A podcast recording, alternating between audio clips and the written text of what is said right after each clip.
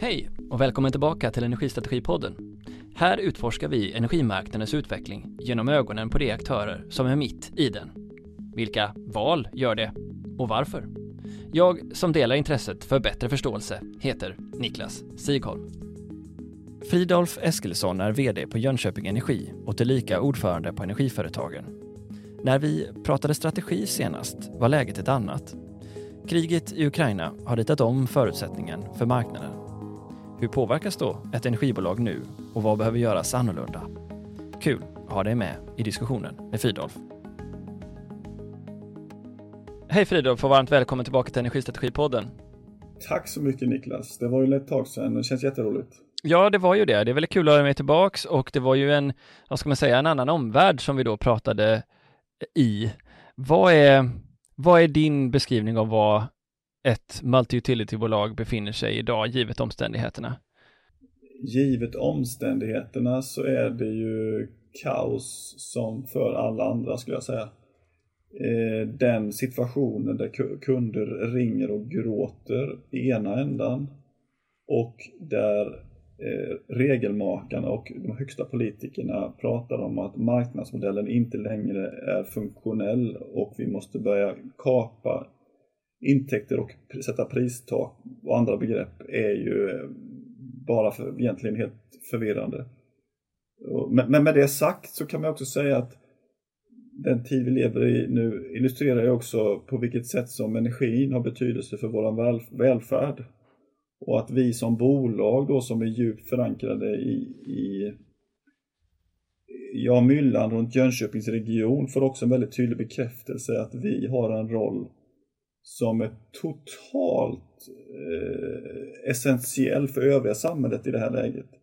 Jag har ju aldrig blivit så hårt uppvaktad runt att vara med på olika sammanhang och prata om min bild, eh, vad kan vi göra runt eh, det tillfälle där det värsta händer runt önätsdrift av elnätet, eh, om vi inte får el centralt och, och, och, hela vägen upp till vad vi kan göra för föreningar runt om i, i samhället och så vidare och så vidare.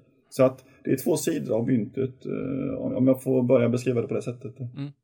Ja, du nämner ju flera delar av det som, som eh, kommer i flera aspekter här runt den här problematiken. Men om vi skulle börja välja en väg bara, det är det du nämner om hur politiken reagerar nu då på de här väldigt höga priserna och den risken vi ser för, eller den de de facto förslagen vi ser på marknadsintervention från kommissionen och rådet och parlamentet med pristak på 180 euro per megawattimme, men även löften som ställdes ut under eh, valet om, om pristak på el och garanter för att inte privatpersoner ska drabbas för mycket. Vad, vad ser du å ena sidan för för och å andra sidan för nackdelar med den trenden som vi är inne i nu?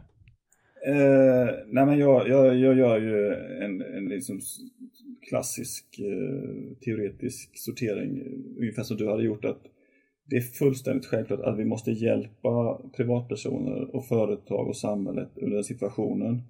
Och om det behövs flaskhalsintäkter eller, eller om vi ska omfördela vinster som är oproportionerliga, låt det vara. Det spelar liksom ingen roll. Eh, vi måste acceptera att det görs ingrepp här och nu. Det jag tycker då är viktigt är att man eh, ett, inte sätter regler som vi riskerar att bli med sen som så att säga förändrar eh, investeringsviljan för de som står och funderar på produ ny produktion eller gör livet osäkert för de som har rätt eh, anläggningsresurser och att man kan nyttja dem på det sätt som är, är gynnsamt både för dem själva och för samhället. Och den tredje aspekten som jag tycker är superviktig är att vi inte viker en tum över att elektrifieringen är rätt och att, att den här utmaningen runt, runt klimatanpassningen är det som egentligen är livsavgörande för, för det vi håller på med i vårt samhälle. Och jag kan väl då bara recensera det själv att jag tycker att på EU-nivån så är det ju faktiskt eh, fortfarande väldigt stark tilltro och övertygelse om att vi ska inte vika någonting runt, runt eh, omställningen och, och klimatanpassningen.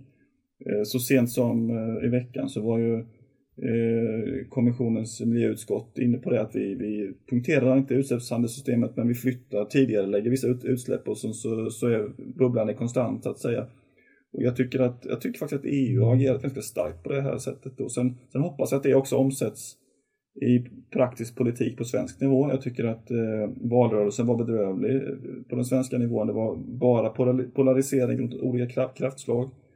Och att vi har liksom inte fått någon större gehör från de yttersta förespråkarna, företrädarna för partierna när det gäller att, att verkligen sätta sig ner och prata om vad som behövs i olika delar. Utan, alltså, så att det finns en del övrigt att önska på svenska nivån just nu. Jag hoppas att man kommer ur val Eh, processen och att vi snart har en regering som kan gå till vidare. Ja, en del av det här också som ju många har berört, Energiforsk med flera, är den om effekten av e-, effektivisering och att det är den, egentligen det enda verktyget vi har att i det korta perspektivet påverka priserna i SE3 och SE4. Samtidigt har det ju dröjt ganska länge innan Energimyndigheten nu går ut med en sån allmän kampanj för att spara. Vi ser att finnarna redan har dragit ner sin konsumtion medan det står fortfarande ganska stilla i Sverige. Hur ser du eh, att Sverige har hanterat det här och hur har ni gjort? Eh, nej men vi, jag, jag tycker ju att det har varit långsamt och eh, kanske att, att effekten av energieffektivisering är så kraftfulla som verktyg för att dämpa prisnivåerna. Det, det får man säga att Marcus och Energiforsk nog öppnar ögonen på en och annan då. Eh, så att eh, det är väl good news att, att det finns möjligheter att ta oss vidare som, som har en hävstång så att säga på, på hur vi hanterar vintern. Eh, vi har ju fått vara med i massor av sammanhang och, och lite grann därför så att säga, förklaringen till att vi är multi-utility och offentligt ägda, att vi regionen drar, drar ihop och, och kraftsamlar runt energieffektivisering, effekteffektivisering. Länsstyrelsen genom regeringens förlängda arm våra ägare. Vi har hur många som helst sådana här grepp nu som, där man ska göra konkreta insatser för att minska, minska elanvändningen då, som jag brukar betona. Ibland blir det lite brett att, att, att man till och med ska sänka vattentemperaturen i badhusen när vi har fjärrvärme.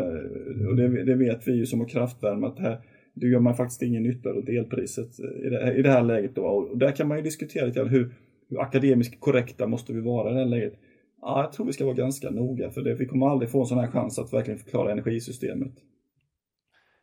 Nu, brukar jag göra, nu gör jag en sak som jag inte brukar göra, för jag, jag resonerar om ditt svar. Jag, jag tror också det. Jag, jag, tror att det här är ett ypperligt tillfälle att, att, förklara för folk vad skillnaden är mellan el och värme. Eh, det är ju inte självklart alltid att det är så.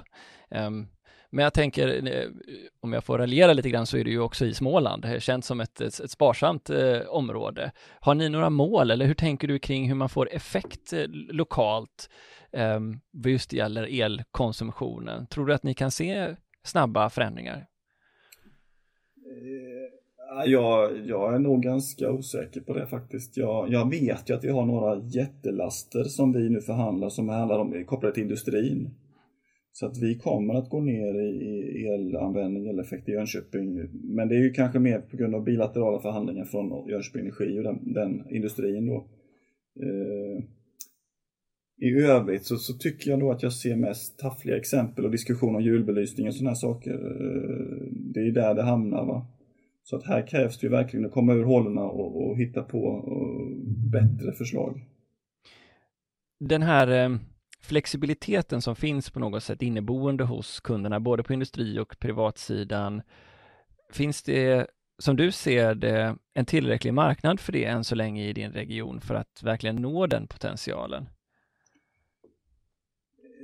jag skulle säga att den, den är alldeles för oprövad eh, så här långt. Den har ju dykt upp eh, i framförallt effektfrågan när det gäller att, att eh, kunna exploatera nya exploateringsområden eller, eller nya laster, exempelvis stora ladd, laddstationer för tunga fordon. Så har det här kommit upp och vi har behövt pröva detta.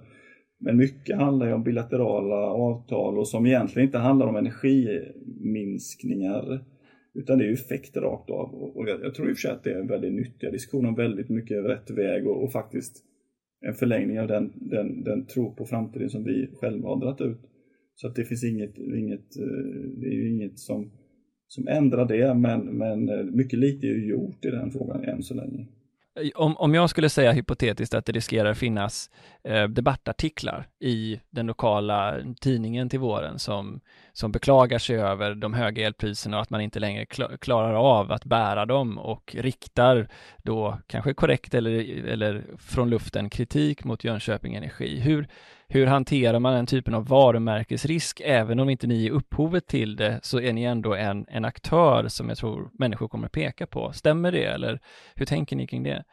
Alltså vi har ju redan haft eh, den typen av rubriker i Jönköping, att, att eh, här hamnar pengarna och, och pekat på våra ganska ymniga prognoser och så här. Så att där finns ju någon typ av, av bad guy där som vi, är, vi, vi absolut är lite oroliga för. Vi, vi har ju en plan på att vara väldigt aktiva under de kommande 16 månaderna. Vi kommer vilja eh, vara med och stötta i alla sammanhang som går. Vi kommer vilja berätta att vi, vi har absolut all vilja att sänka energianvändningen för alla. Vi kommer prata mycket runt våra digitala gränssnitt för att hjälpa människor att välja timavtal och att försöka vara en part som driver det här åt det håll som, som, som vi uppfattas vara samhällsbärande. Eh, jag tror att vi har ett kapital att ta av eh, från historien. Jag vet att vi har det som kan vara till god hjälp just nu. Men jag, har, jag är lite orolig för eh, den utveckling som du beskriver och, och vi måste jobba, jobba mer med den frågan. Du nämnde här i början ja, konsumenter som kanske till och med ringer in och, och gråter för att eluppvärmt hus och kanske är pensionärer, vad vet jag. Hur hanterar man anstormningen till kundtjänst just nu? Hur ser det ut hos er? Vi, vi, vi, vi knäar på de funktionerna ska jag säga. Och jag säger så här att eh, om vi har 20 minuters väntetid hos oss så är vi branschbäst. Så jag försöker hela tiden ingjuta mod i vårt gäng. Och, och, och då kan man liksom, någon tröst i att man får vänta fem timmar och sånt annat bolag. Men nej, vi gör ju inte livet roligare för det är samma arbetsdag eh, så att säga i, för en kundservicemedarbetare och vi, vi letar just nu med alla möjliga medel för att få in eh, andra medarbetare i koncernen som skulle kunna ta nischfrågor om man då via knappval avlastar de som, som har de svåraste eh, ärendena så att säga. Då.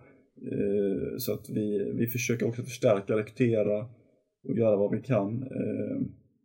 Men jag har aldrig varit med om ett liknande situation runt detta. Hur jobbar man kring kundtjänst då? Du nämnde att ni har digitala kanaler kanske som man kan använda. Är ni även ute på torg? Alltså vilka instrument har ni nu? Eh, vi har inte varit ute på fysiska platser men däremot har vi haft en, en gräddfil faktiskt både i radion och i, i lokala tidningen Jönköpings-Posten eh, på ett sätt som aldrig tidigare har, har varit och det, det har nog också varit ganska viktigt för det har varit ganska mänskliga intervjuer där man man kan ju agera på två sätt. Man kan ju göra en strikt eh, redovisning över var det juridiska eh, ansvaret ligger och så upplevas som iskall. Man kan också istället uppträda med värme och omtanke. Och vi har försökt att hela tiden tänka med det senaste, då, även om man egentligen inte haft särskilt bra förslag till kunderna. Då. Just det, för det blir ju nästa följdfråga då.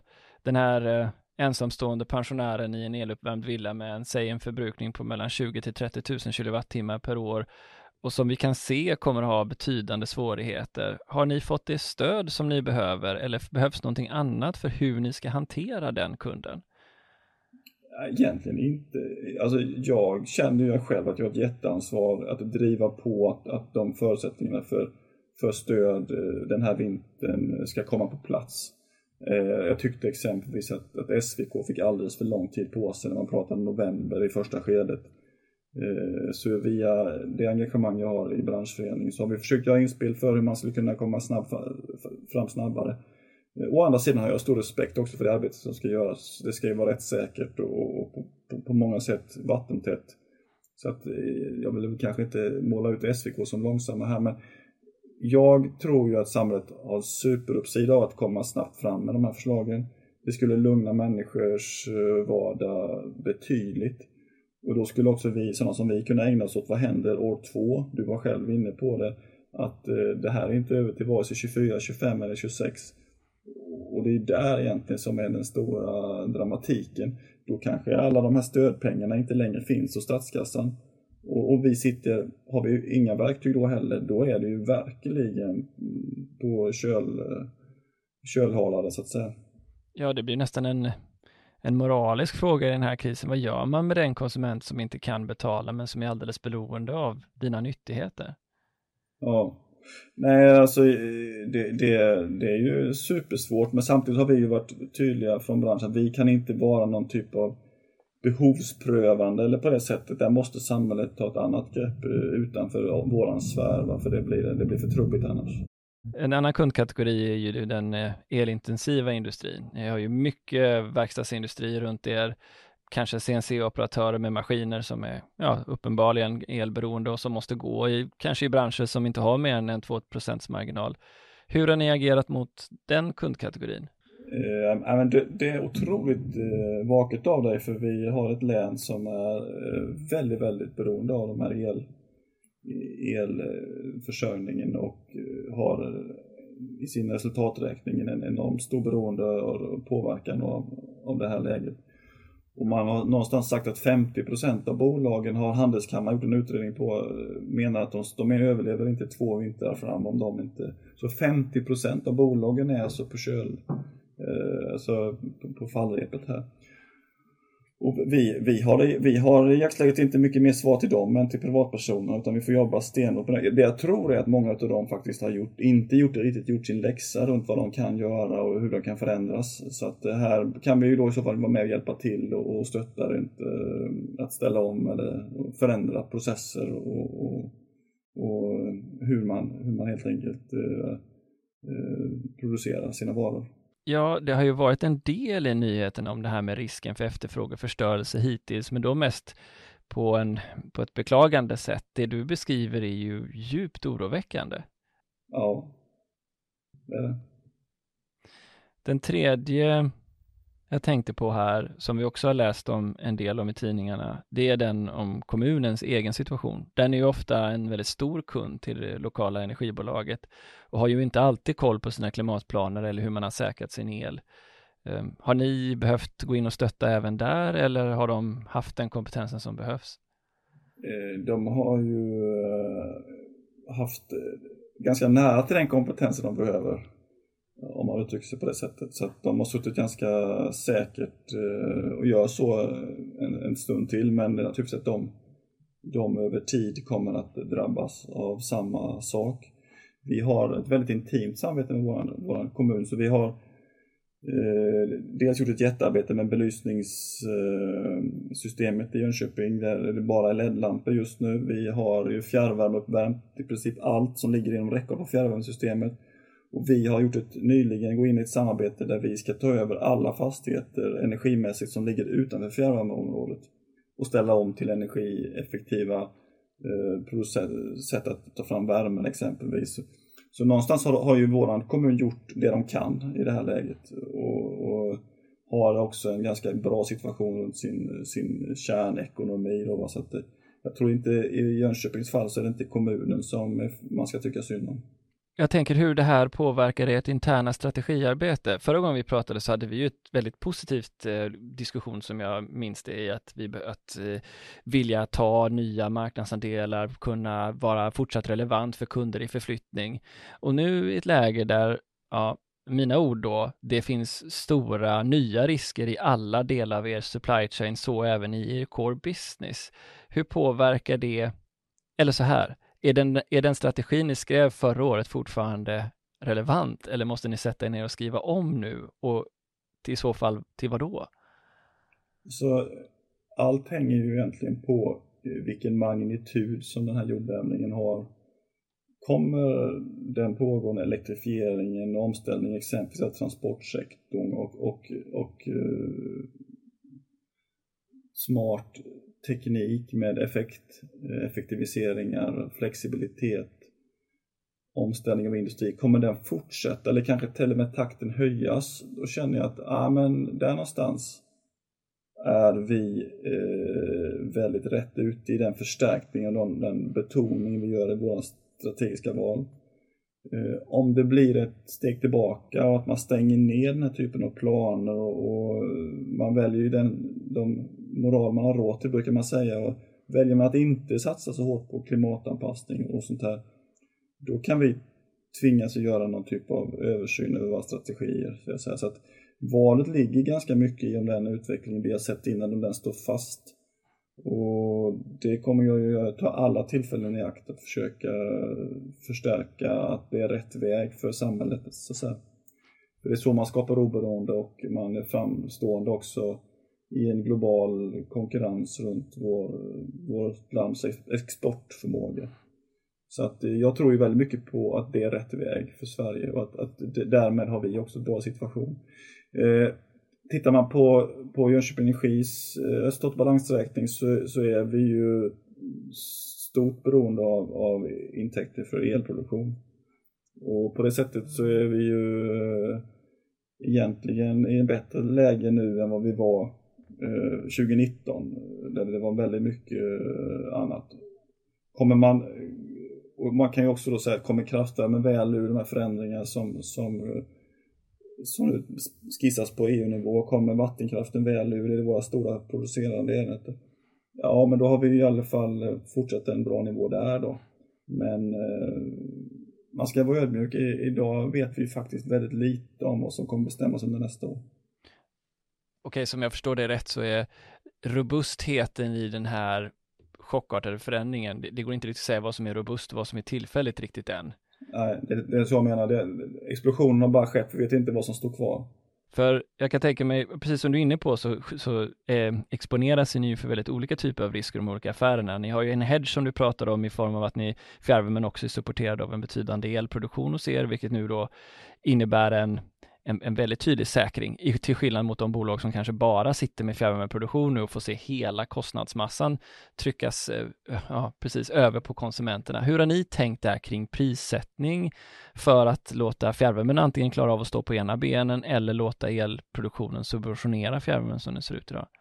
Eh, nej men den delen av kraftvärmen som kopplas till fjärrvärmekunderna och som fjärrvärmekunderna någon gång har varit med och eh, riskat då genom sitt eh, kontrakt med oss har, har, vi ju tidigare argumenterat för att de, de eh, har varit med och tagit nedsidan av. Nu måste de också få med och ta uppsidan inom vissa gränser. Så att vi har ju med det resonemanget eh, valt att hålla en ganska låg prishöjning. 2% kommer vi göra inför nästa år. Och det är ju bara möjligt om man får del av den eh, kraftvärmeintäkten eh, från, från elproduktionen där då.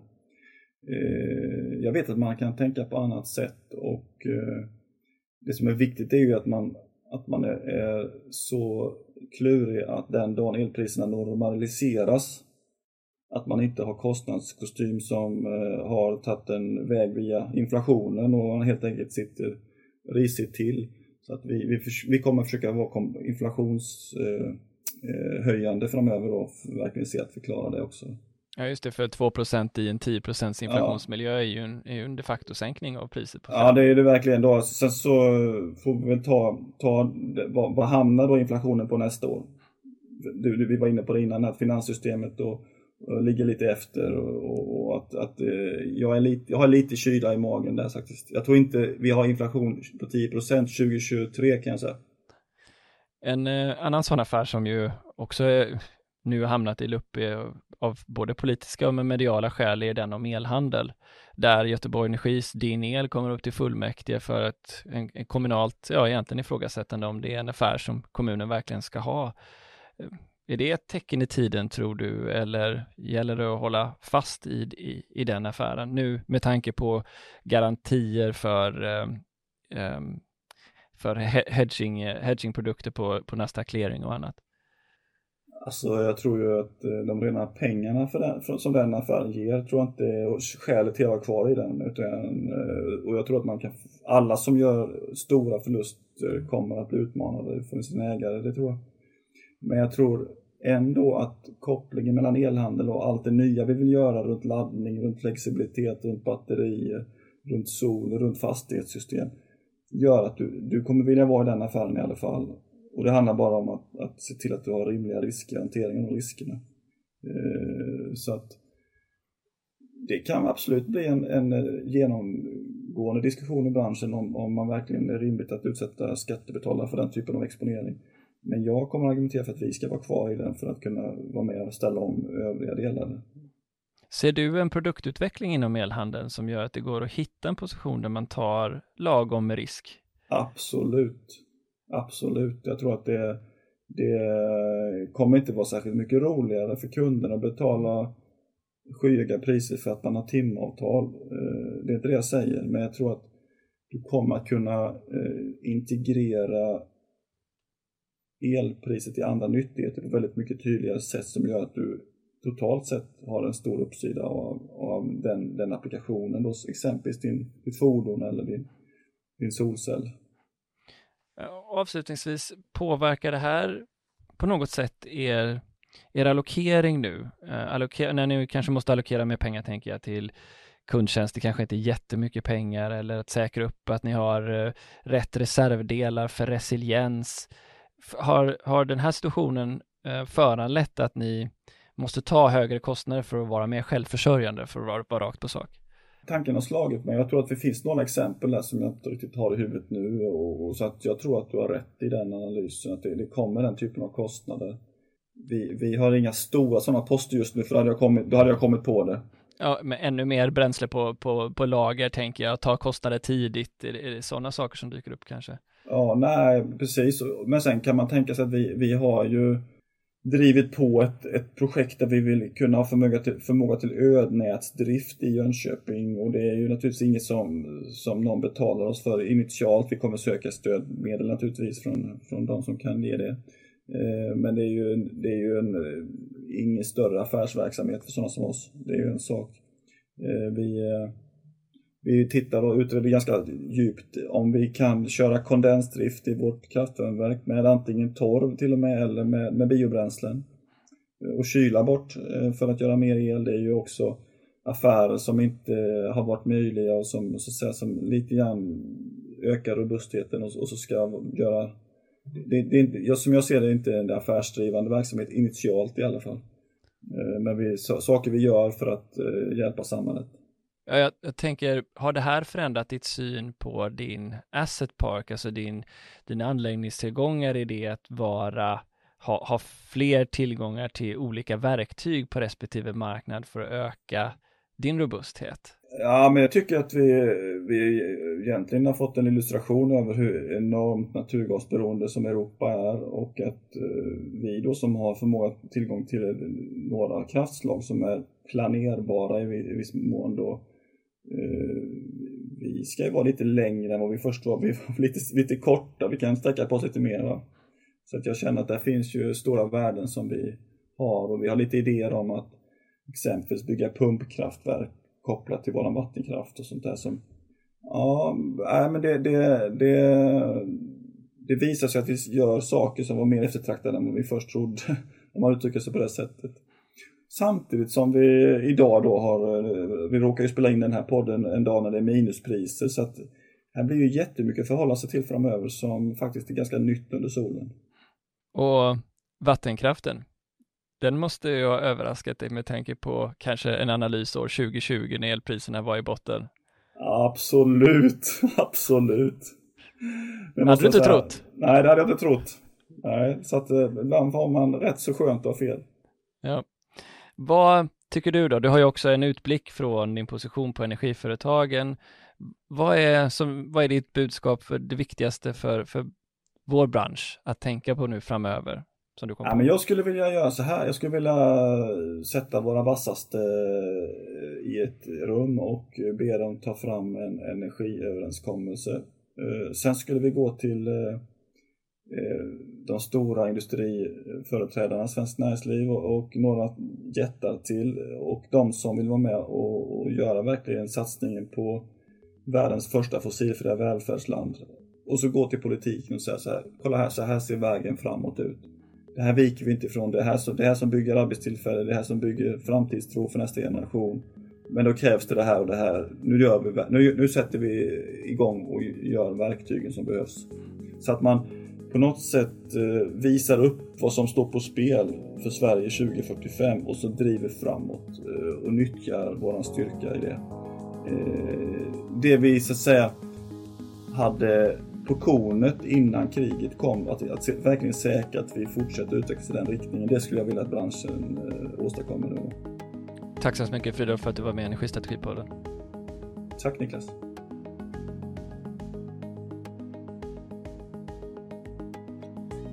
Vi tycker det är spännande att höra hur de olika energibolagen rent strategiskt hanterar den här marknadsturbulensen. Har du något energibolag du är särskilt nyfiken på eller har du sett någon aktör sticka ut? Hör gärna av dig med tips.